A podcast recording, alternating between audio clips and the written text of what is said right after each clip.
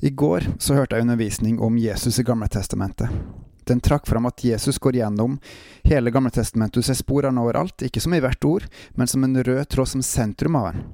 For, han, for Guds frelsesplan ble nemlig fullført på korset og når Jesus sto opp igjen, da, på den tredje dagen. Det her tok Jesus opp eh, når han gikk sammen med eh, manusvandrerne i Lukas 24, og det her skal også være noe som jeg ønsker å belyse i dag, i dagens Gud i sentrum, av meg, Håkon Winnem. Jesus er synlig mange plasser i Gamletestamentet. Den første er i første Mosebok 3, når Gud forbanner slangen, noe som også kommer igjen i Johannes' åpenbaring. Videre har du Salme 22, Min Gud, min Gud, hvorfor har du forlatt meg? Du har Jesaja 53, om den lidende tjener, og så har du også Daniel 7, som noen få andre eksempler. Mindre åpenbart er kanskje utvandring av Egypt, ut av det fysiske slaveriet for israelsfolket ca. 1446 før Kristus. For å oppdra sitt folk, Israelsfolket, til det gode, så handler Gud mye for å lede dem til sannheten, til det gode. Og deriblant så bruker han budene, lover forskrifter, og så i tillegg så gjør han det gjennom å velge ut utvalgte mennesker, og han snakker gjennom engler og Den hellige ånd.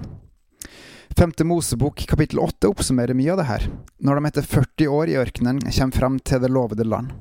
Legg merke til valget mellom å bli velsigna eller forbanna, valget til den enkelte menneske. Vi leser.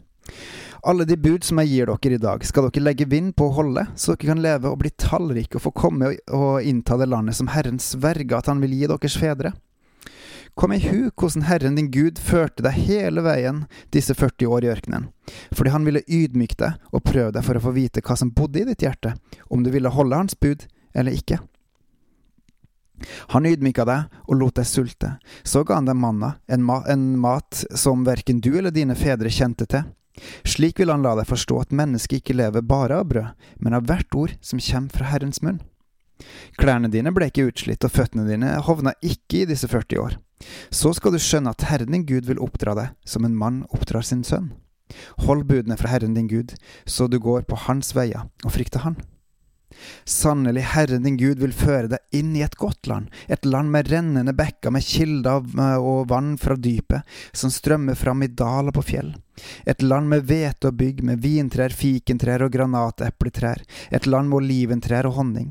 Der skal du ikke leve i fattigdom og ikke mangle noen ting.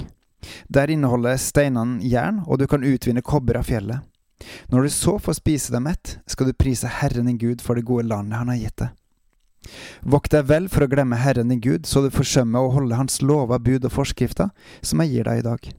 Når du kan spise deg mett, når du bygger fine hus og får bo i dem, når ditt storfe og småfe øker i tall, når du får mye gull og sølv og hele din eiendom vokser, da vokt deg, så du ikke blir håmodig og glemmer Herren din Gud, som førte deg ut av Egypt, av trellehuset. Han leda deg gjennom den store, uhyggelige ørkenen hvor det var giftslanger, skorpioner, gjennom et uttørra land hvor det ikke var vann og av harde fjellet lot han vann strømme fram for deg. Han ga deg manna i ørkenen, en mat som dine fedre aldri hadde kjent til. Det gjorde han for å ydmyke deg og prøve deg, og så gjøre vel mot deg til slutt. Derfor skal du ikke tenke med deg sjøl at det er din egen kraft og din sterke hånd som har skaffa deg denne rikdommen. Nei, kom i hu at det var Herren din Gud som gir deg kraft til å vinne rikdom. Slik vil han stå ved pakten som han slutta med dine fedre, og bekrefte med ed, som han gjør det i dag. Men dersom du glemmer Herren din Gud og holder deg til andre guder, dyrker dem og bøyer deg og tilber dem, da vil dere gå til grunne, det sier dere for visst.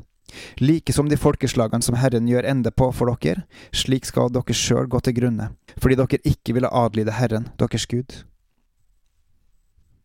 Hør den enorme omsorgen og kjærligheten, den, også, den også grensekjærligheten Gud har til sitt folk.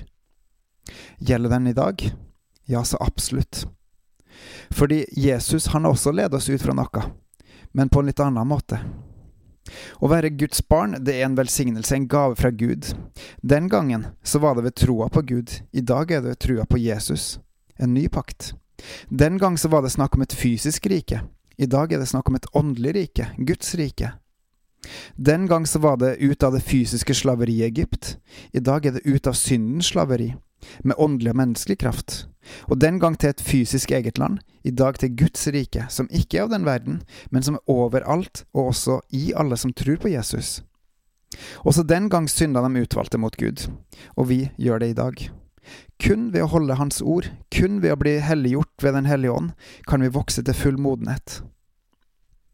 Romerne 8 har noe godt om det her også, og der står det fra begynnelsen.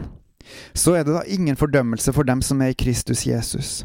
For Åndens lov som gir liv, har i Kristus gjort meg fri fra syndens og dødens lov. Det som var mulig for loven, fordi den var maktesløs på grunn av menneskets onde natur, det gjorde Gud. For syndens skyld sendte han sin egen sønn i syndige menneskers skikkelse og holdt dom over synden i vår natur. Slik skulle loven bli oppfylt i oss, som ikke lar oss lede av vår onde natur, men av ånden. De som lever etter sin syndige natur, er bare opptatt av det som hører mennesker til. Men de som lever etter ånden, er opptatt av det som hører ånden til. For det mennesket av naturen trakter etter, fører til død, men det ånden vil, leder til liv og fred. Det menneskene naturen trakter etter, betyr fiendskap mot Gud. For vår onde natur bøyer seg ikke for Guds lov, ja, den kan ikke gjøre det.